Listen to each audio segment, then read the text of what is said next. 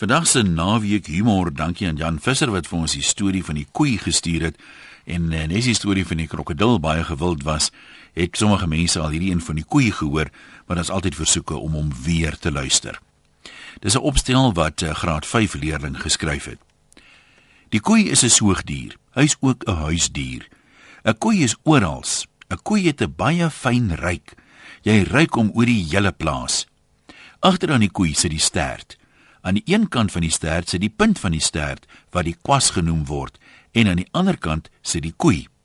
Die koei gebruik die kwas om die vliee van haar weg te hou, anders val hulle in die melk. Vooraan die koei sit die kop. Daar groei die horings. Die kop hou ook die bek vas. Tussen die stert en die kop sit die koei. Die koei is oorgetrek met 'n beesvel. Onder aan die koei hang die melk.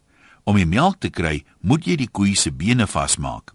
Die agterstes Dan sit jy onder die koei en trek die touwtjie. Dan kom die melk. As die gras goed is, is die melk goed. As die gras sleg is, is die melk sleg. As die donder weer in die lug is, is die melk weg.